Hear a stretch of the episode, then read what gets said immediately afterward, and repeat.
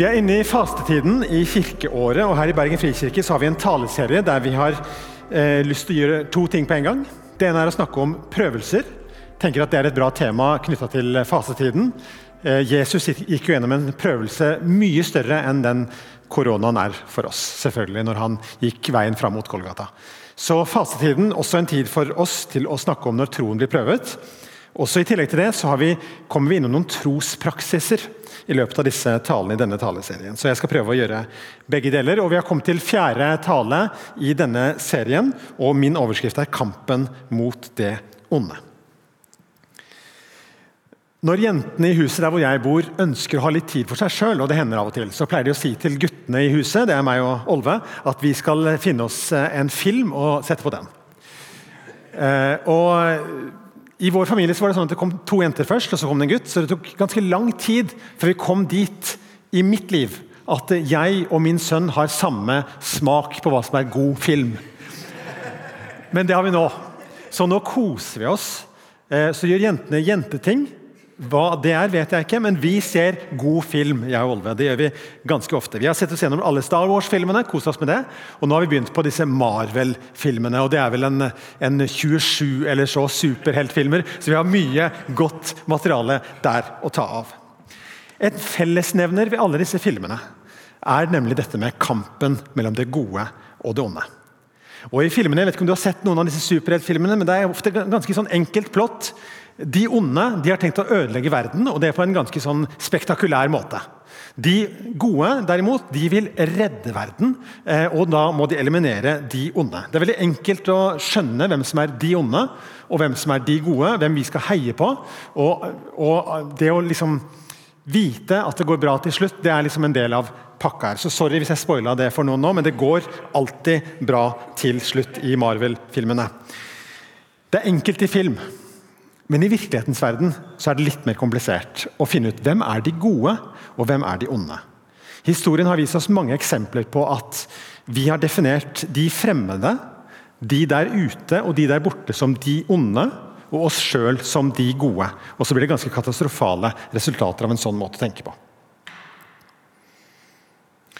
Og Kanskje enda vanskeligere er spørsmålet hva er ondt, og hva er godt? Jeg satt på flyet en gang. Dette var rett etter 22.07.2011. Eh, noen av dere var jo ikke født da, men eh, det, det var, dere har sikkert sett det på film. Eh, etter andre verdenskrig så, så, har det aldri vært noe så alvorlig og dramatisk og ondt som har skjedd på norsk jord som terroraksjonen på Utøya og i regjeringskvartalet. Og Likevel så sitter altså en fyr på flyet ved siden av meg rett etter at dette har skjedd, og sier at han vil ikke klassifisere det som ondt. Og jeg tenker meg selv, Hvis ikke det er ondt, da er det ingenting som er ondt. Jeg tror han og veldig mange med han har en slags sånn aversjon mot å kalle noe ondt. Det blir så veldig mørkt, liksom. Det blir så destruktivt. Og, å kalle noe ondt betyr jo at noe annet må være godt, og hvem er vi til å, til å finne ut hva som er hva? Men hvis du tror på at det fins en Gud som er utenfor vår lille verden og våre små liv, så har du en moralsk standard som er utenfor oss, og så kan du, kan du finne ut litt mer om hva som er ondt og hva som er godt. Uten at det finnes en Gud, så kan jeg forstå at det er vanskelig faktisk å definere det. Og Da ender du opp med en sånn der, Det som vi er enige om at det er ondt, er ondt. Det flertallet bestemmer at det er ondt, er ondt. Det flertallet bestemmer at det er godt, er godt. Og Det er egentlig ganske skummelt. Eh, og Det er jo mange eksempler på det at, at det fører veldig galt av sted. Hvis alle nordfra for eksempel, ble definert utenfor, de har ikke livets rett, så ville det være ganske dramatisk. Og det er ingen som, ingen som ler av det. Og det er en grunn til. For det er faktisk sånn i denne verden at noen folkegrupper de har ikke livets rett. De er definert som onde og noe som ikke trenger å være her. Faktisk er det ikke godt for oss at de er her.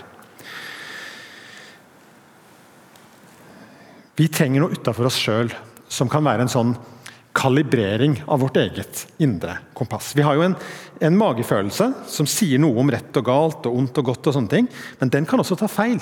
Så vi trenger, akkurat som meteren Det vet kanskje ikke alle, men met, du kan ikke bare kjøpe en meterstokk i butikken og regne med at den er en meter.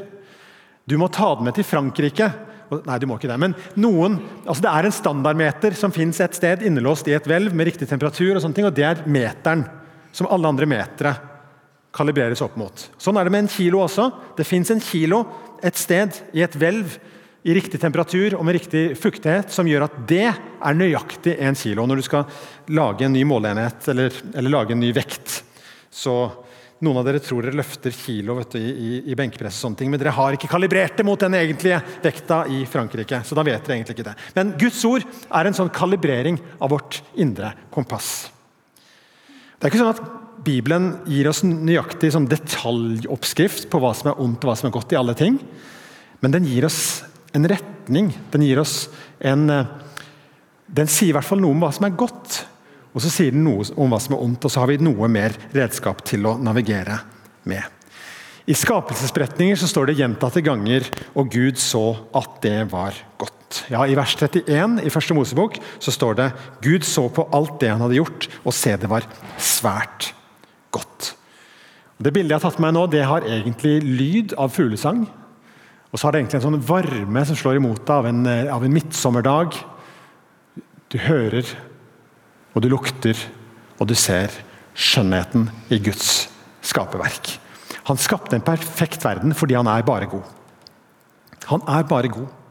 Og Den verden som Gud skapte, den var bare god. Fra begynnelsen så var det bare godt. Det var sånn det skulle være. Og så er Bibelen like tydelig på at det er ikke slik nå lenger. Verden sånn som vi ser den nå, den er ikke sånn den skal være lenger. Det onde har kommet inn i verden, og kampen mellom det onde og det gode som vi skal snakke om i dag, den starta når det onde kom inn i verden. I bønnen 'Vår Far' så, så ber vi og frels oss fra det onde. Og Den siste bønnen Jesus ba for disiplene sine, så sa han Far, jeg ber ikke om at du skal ta dem ut av verden, men at du skal bevare dem fra det onde. Det onde eksisterer. Det onde eksisterer. Og det står i en grell kontrast til det gode. Og Den ultimate seieren over det onde den vant Jesus på korset. Det står at han avvæpna maktene og myndighetene og stilte dem åpenlyst til skue. Han, han avvæpna de, han avslørte de, han blottstilte de, han seira over de. Og Det skal vi snart snakke om i påsken. Men selv om seieren er vunnet, så betyr ikke det at kampen er over. Paulus sier at vi har en kamp som ikke er mot kjøtt og blod, altså ikke mot mennesker. Selv om vi noen ganger føler det sånn, at det er mennesker som står i veien for oss, og vi må kjempe mot mennesker på det ene og det andre området. Så sier han at kampen vår den er mot krefter i himmelrommet. En åndskamp. Teksten i dag er henta fra Lukasevangeliet. Og I min bibel så har den overskriften 'Jesu makt over onde ånder'. Og Vi leser fra Lukas 11, 24-28. En gang drev han ut en ond ånd som var stum. Da den onde ånden for ut, begynte den stumme å tale, og folk undret seg. Men noen av dem sa det er ved hjelp av Belsebul, herskeren over de onde åndene, at han driver de onde åndene ut. Andre ville sette ham på prøve og krevde tegn fra himmelen av ham.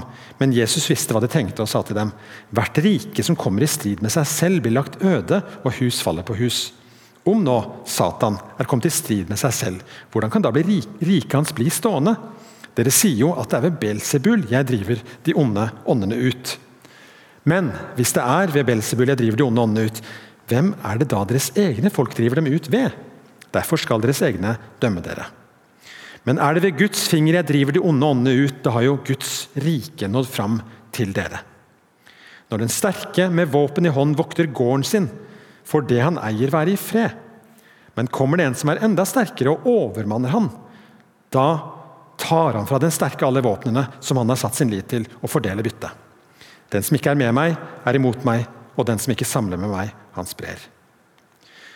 Når en uren ånd farer ut av et menneske, flakker den omkring over øde vidder på leting etter et hvilested, men uten å finne det. Da sier den, 'Jeg vil vende tilbake til huset mitt som jeg forlot.' Og Når den kommer dit, finner den huset feid og pyntet.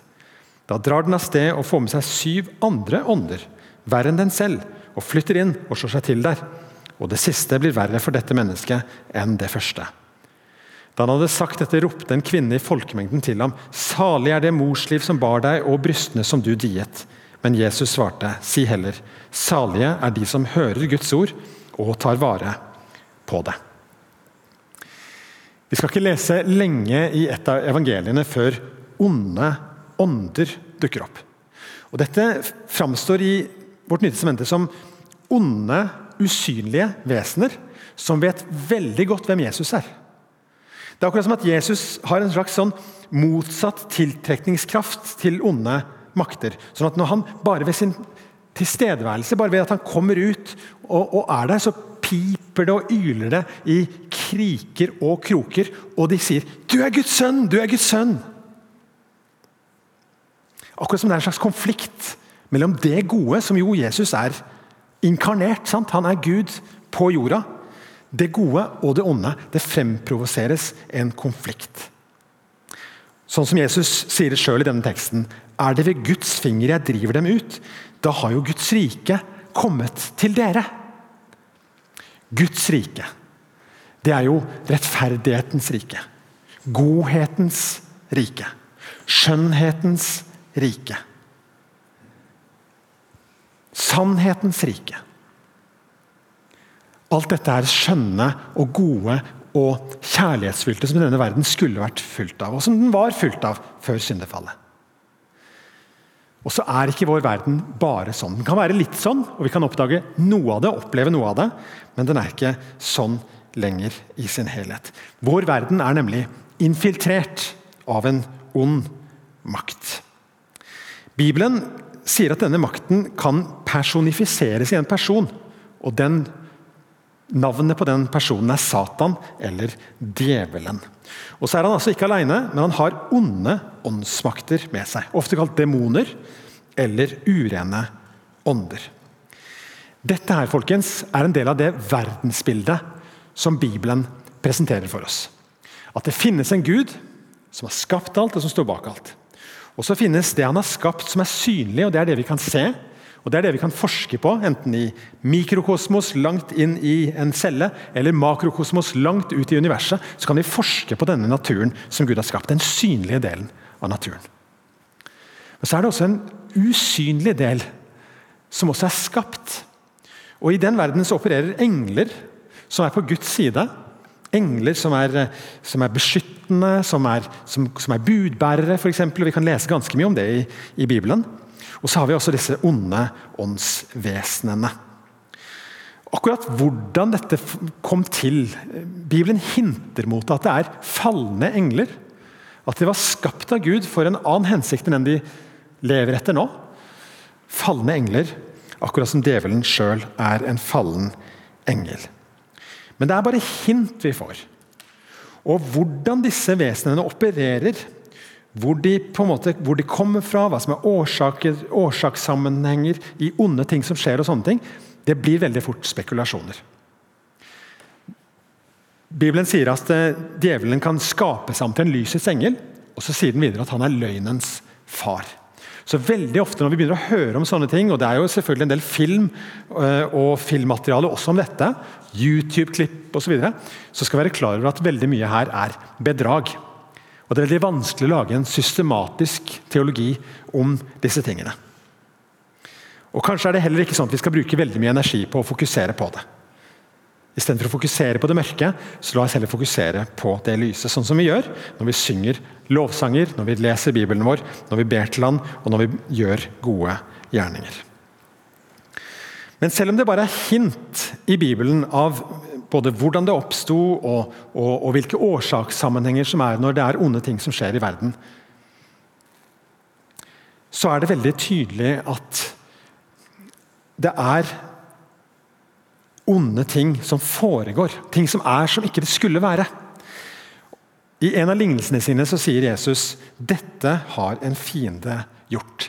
Det er en lignelse om eh, en mann som sådde godt korn i åkeren sin. og Så kommer det om natta en fiende av han og sår ugress inn. og Så må begge deler gro opp. og Så handler egentlig lignelsen om noe annet. Men denne ene setningen sier Jesus dette har en fiende gjort. og Jeg har tenkt mange ganger når jeg ser rundt omkring i verden og hører disse historiene og ser disse tårene, og noen ganger griner de sjøl. så tenker jeg dette her har en fiende gjort. Det var ikke sånn i opprinnelsen. Og det skal ikke bli sånn den dagen vi kommer helt fram til den nye himmel og den nye jord. Men det er sånn nå. Og det er vondt, og det er urettferdig, og det er grunn til å reagere, og det er grunn til å kjempe imot det. Og det skal vi gjøre, og vi skal snakke om det. Kampen imot det onde.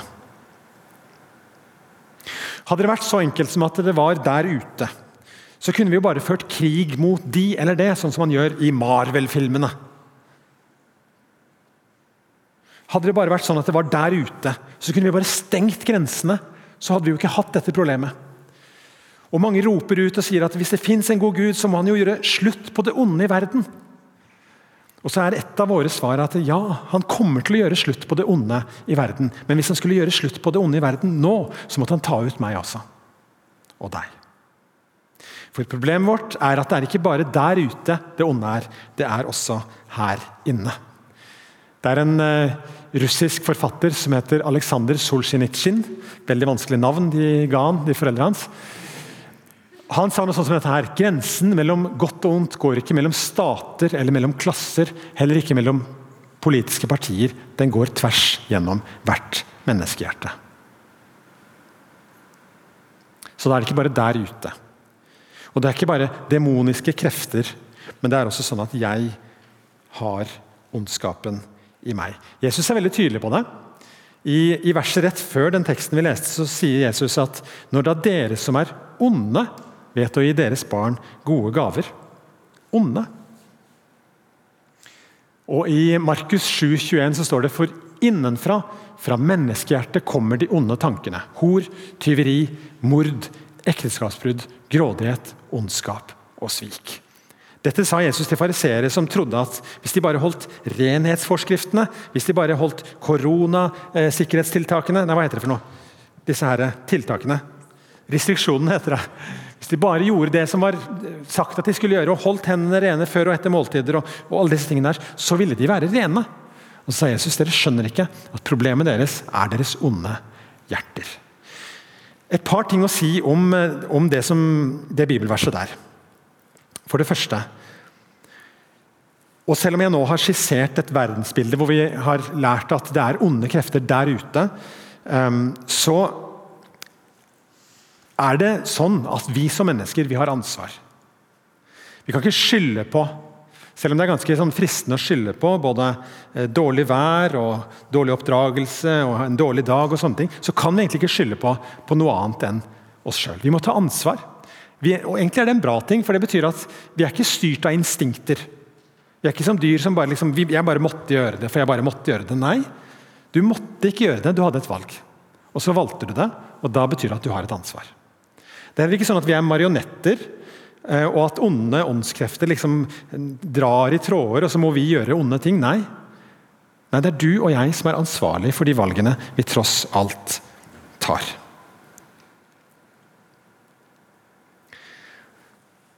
Og så er det Noen som tenker at dette blir jo veldig vanskelig, da, for tanker er jo noe jeg ikke kan styre med. og det er jo, Noen sier at det er 40 000 tanker i, i døgnet som vi tenker. og Hvordan skal jeg holde kontroll på alle disse? Og da kan vi si at Det er ikke sånn at en, en ond tanke nødvendigvis er det samme som en, som en synd, eller no, som no, noe galt i seg sjøl. Jesus også fikk tanker som ikke var fra han. Ikke sant? Når han ble frista i ørkenen, så, så fikk han tanker som ikke var fra Gud, og som ikke var fra Han, men som var onde tanker. Og fristelser kan komme til oss, men det er ikke det samme som at vi har falt i synd. Så ikke gi opp for det om du kjenner at det kommer mange slags rare tanker til deg. Luther han sa noe lurt. Han sa at vi kan ikke hindre en fugl i å fly over hodet på oss, men vi kan hindre at den bygger rede der. Og Her har vi en artig kar som eh, dessverre har opplevd at eh, her ble det nok et rede, eh, og også en del fugleskitt. Eh, kjenner du igjen filmen, forresten? Jeg tror dette er 'Ringenes herre', hvis jeg ikke tar helt feil. Ok, så Oppsummert så langt så har vi sett at det onde eksisterer. Det finnes en personifisert ond kraft der ute, og det finnes en ond ånde her sammen med han. Og I tillegg til det så finnes det onde tilbøyeligheter inne i hjertet ditt og mitt. Hele verden, sier Bibelen, ligger i det onde. Og Det er grunn til å kjempe imot det onde. Men hvordan gjør vi det? Hvilke, hvilke våpen har vi i kampen mot det onde? Og hvordan foregår kampen? Jeg har først lyst til å si noe om bønn. Det er ikke sånn at vi er våpenløse i denne onde verden. Nei, Gud har gitt oss noen veldig mektige verktøy. Et av de er bønn. Og Her snakker Jesus, nei, Paulus i Korinterne 10, 4, om at våre våpen de er ikke fra mennesker. Altså, det er ikke av stål eller med krutt, men det er våpen som har sin kraft fra Gud. Og Disse våpnene kan legge festninger i grus. Det er noen ganger at det onde blir en sånn slags festningsverk. Som, som, som, reiser seg opp og som, som ser umulig, umulig, å innta ut. Men eh, Våre våpen, som er fra Gud, de kan legge festninger i grus. Og Så river vi ned tankebygninger og alt stort og stolt som reiser seg mot kunnskapen om Gud. Det kan være ideologier, men det kan også være løgntanker som kommer i ditt indre som sier 'jeg er ikke noe verdt'. Eller som sier 'det der får ikke jeg til', eller 'den kampen der kan ikke jeg vinne'. Eller 'det der er urettferdigheten som skjer langt der borte, det er så svært og så langt unna at jeg kan ikke gjøre noe med det'. Alt det er løgntanker. Og i motsetning til det så har vi kunnskapen om Gud. Er ikke det fantastisk? Kunnskapen om Gud, hvem han er. Kraften i Jesu oppstandelse. Så tar vi hver tanke til fange under lydighet mot Kristus. Mye å grunne på i det verset der. Og så har jeg alt nevnt Efeserbrevet 6 og denne åndelige kampen som Paulus sier at vi står i. Og Der er det sånn at det er en rustning som det snakkes om. og, og, og Mye på den rustningen er egentlig sånne passive ting, som en, en, hjelm, som er da frelsens hjelm. og så har du som rettferdighetens brynje, og så har du sannheten som belte om livet, og så har du den beredskap som evangeliet gir, som sko på føttene. Men så har du også et angrepsvåpen, og det er åndens sverd. Det er Guds ord. Det er Guds ord, Bibelen. Og når, Hvordan er det vi får tak i den rustningen? Da sier Paulus til slutt der gjør dette i bønn og legg alt fram for Gud. Så vi kan få lov til å nedbe en sånn rustning, nedbe en sånn beskyttelse. Og troen og sannheten og rettferdigheten og bønnen og Guds ord er våre våpen i kampen. Det er den trospraksisen jeg ville snakke om i dag. Det er å meditere på Guds ord det er å bruke Guds ord. For hvis det er sånn da at Gud finnes, og Gud er den som står bak alt og som har skapt alt, og at han bare er god, så er det et eller annet med å gå inn i hans sfære og gå inn i hans sannheter. Og la hans sannheter få lov til å forme oss. Og grunne på hans ord. Jeg gjemmer ditt ord i hjertet, så jeg ikke skal synde mot deg, sier salmisten. Han er sannhetens kilde. Og Det viktigste vi kan gjøre i kampen mot den onde, sine innflytelser i vårt liv og i andres liv, det er å i bønn lese og meditere over hans ord. Fylle seg av hans tanker.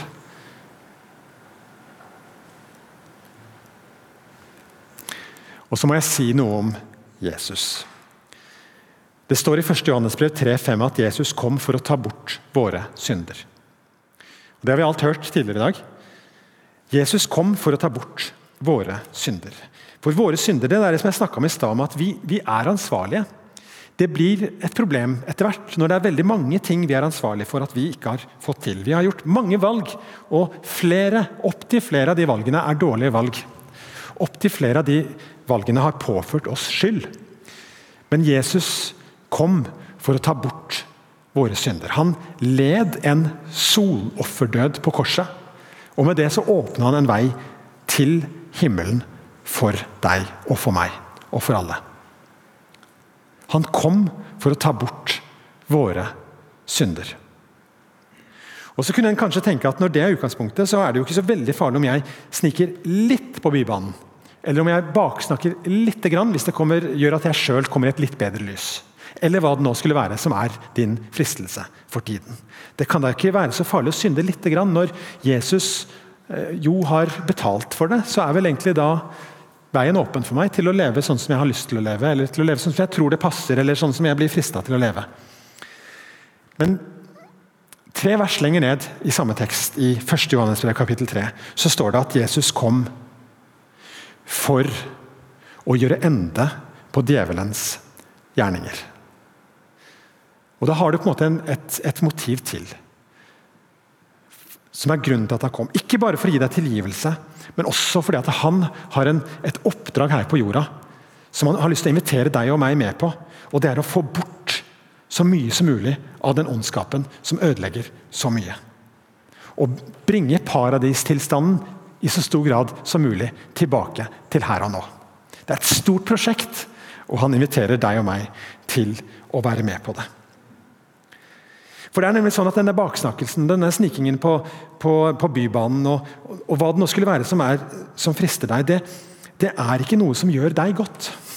Det er ikke noe som gjør din neste godt, og det er ikke noe som gjør skaperverket godt.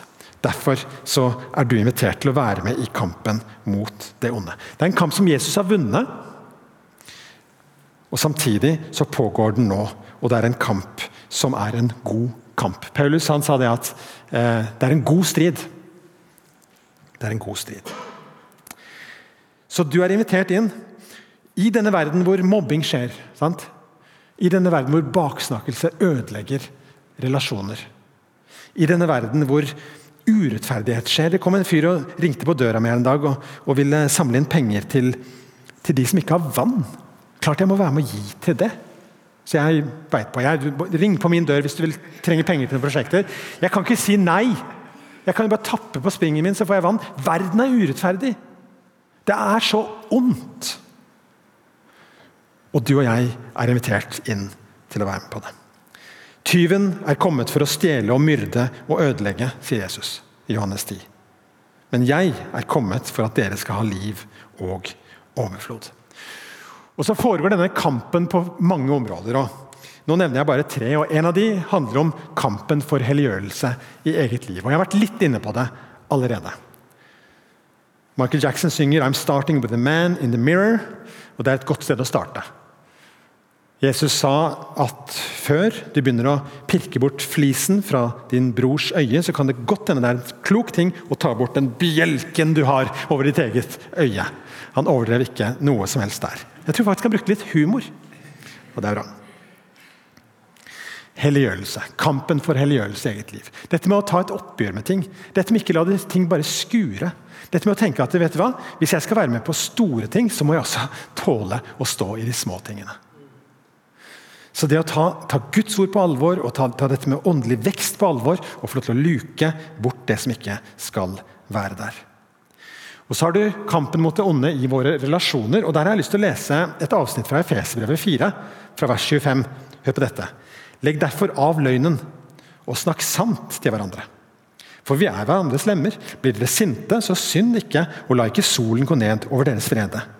Gi ikke djevelen rom. Den som har stjålet, skal ikke lenger stjele, men arbeide og gjøre noe nyttig med sine egne hender, så han, kan ha noe å gi til dem som trenger det. La ikke et eneste råttent ord komme over leppene. Si bare det som er godt, som bygger opp der det trengs, så det kan bli velsignelse for dem som hører på. Gjør ikke Guds hellige ånd sorg, for ånden er det seil dere er merket med helt til frihetens dag. Slutt med all hardhet og hissighet, med sinne, bråk, spott og all annen ondskap. Legg merke til det. Disse tingene som vi tenker at ja, ja, det er nå bare sånn jeg er. det er nå bare sånn som skjer. Slutt med all hardhet og hissighet, med sinne, bråk, spott og all annen ondskap. Så Min medreisefelle på det flyet den gangen, som ikke ville kalle en terroraksjon ondskap, han skulle hørt dette. Hissighet. Bråk. Og all annen ondskap. Vær gode mot hverandre Vis medfølelse og tilgi hverandre, slik Gud har tilgitt dere i Kristus. Og så har du for det tredje kampen mot det onde i vår verden. Urettferdigheten, volden, ødeleggelsen. Alle disse bildene jeg viste i starten, med tårene og flammene og politiet som trenger å rykke ut, osv. osv. Det er nok å ta tak i. Og alt dette her er djevelens verk. Det var ikke sånn i begynnelsen, og det skal ikke bli sånn en gang når vi kommer fram til den nye himmel og den nye jord. Men det er sånn nå. Verden er ikke som den skal være. Den ligger i det onde. Så du og jeg er invitert til å være med å lindre nød. Til å være med å bety noe for noen. Det er en del av kampen mot det onde i vår verden. I Kolosserne 1,13 så står det for han har fridd oss ut av mørkets makt og ført oss over i sin elskede sønns rike. Dette handler om frelsen, dette handler om å komme til tro på Jesus. Å komme til tro på Jesus er å bli fridd ut av mørkets makt og komme inn i et annet rike, inn i Jesu rike. Det, så det å være misjonal, det å kjempe mot ondskapen på ulike områder i eget liv, i våre relasjoner og i det større bildet, og det å vinne mennesker for Jesus, alt dette er en del av det som handler om å kjempe kampen mot det onde. Gud har så lyst til å fri mange flere ut av mørkets makt. Og så har jeg lyst til å si en ting til slutt, og det er dette. Nå har vi snakka om det onde, som der ute og her inne. Men det at verden ligger i det onde, og at det onde er en så stor del av vår virkelighet, det betyr at også du kan oppleve her du sitter i kveld, at jeg er ramma. Jeg er ramma. Onde ting har skjedd med meg. Ting skulle, skulle, som ikke skulle skjedd, har skjedd med meg. Du kan også tenke at jeg har påført andre noe som ikke skulle ha skjedd mot de. Kanskje kjenner du at det er, det er tankemønstre eller handlingsmønstre som du sitter fanga i. Uansett hva din situasjon er i kveld, så har jeg lyst til å si til deg Kom til Jesus. Kom til Jesus med, din, med dine bindinger. Kom til Jesus med dine sår. Kom til Jesus med din skyld. Han er for deg. I den teksten vi leste i starten, så står det at Satan er sterk. Han kalles den sterke. Men det står også at Jesus er den sterkere. Han har makt til å overmanne han, til å binde han, til å kaste han ut. Og du og jeg, vi inviteres til å snu oss bort fra det onde. Som avsløres, eller som ikke er kjent. Til å vende oss bort fra det, og til å snu oss mot Jesus. Han tar imot oss sånn som vi er. Han kommer ikke med pekefingeren og sier at det sa jeg det ikke. Han har ingen anklage mot deg. Han vil ta imot deg sånn som du er. Med dine sår, med din skyld. Alt kan du ta med til Jesus. Han er seierherren fra Golgata. Så enten kampen for deg handler om personlig hellighet, enten det handler om det, eller om, om kampen for de gode tingene i relasjonene dine, enten det er til foreldre, eller til kjæreste, eller til naboer, eller hva det skulle være. Eller om din kamp er mer det store bildet av kampen av, imot urettferdigheten der ute, så er det sånn at ingen av oss er kalt til å være alene i de kampene. Vi trenger det kristne fellesskapet. Og vi, og vi trenger hverandre til å kjempe de kampene. Så, så hvis vi begynner med litt ærlighet, hvis vi begynner med litt lesing av Guds ord, la Hans sannhet komme inn, og hvis vi begynner med bønn sammen, så er det et godt steg på veien. Og Når huset er feid og pynta, sa Jesus i den lignelsen. Og Hvis vi blir i det bildet, så tenker vi ja, la oss, la oss vende om, la oss snu om, la oss gjøre endringer. Og Da er det så utrolig viktig å møblere på nytt. Få inn noen nye ting. og Her kommer dette med trospraksiser inn, som vi snakker om for tiden i Bergen frikirke. Dette med meditasjon på Guds ord, som jeg snakker om i dag, er en sånn trospraksis. Det er noen nye møbler som kan flyttes inn og møbleres med når huset er feid og pynta. Gode vaner, gode venner og ikke minst Guds gode ord skal hjelpe oss i kampen. La oss be. Herre, jeg takker deg at du er en sånn frelser som tar imot oss sånn som vi er. Og Så kjenner vi det, og så ser vi det, og så vet vi det at denne verden er ikke sånn som den skulle være. Og Dessverre så bidrar jeg til det. Takk for at eh, du sonte for min skyld på korset. Men så så stopper det ikke der. Du vil også hjelpe meg til å få rydda i eget liv og til å bli en agent for det gode og kampen for det gode her på jorda. Så velsign oss til det. Bruk oss til det. Amen.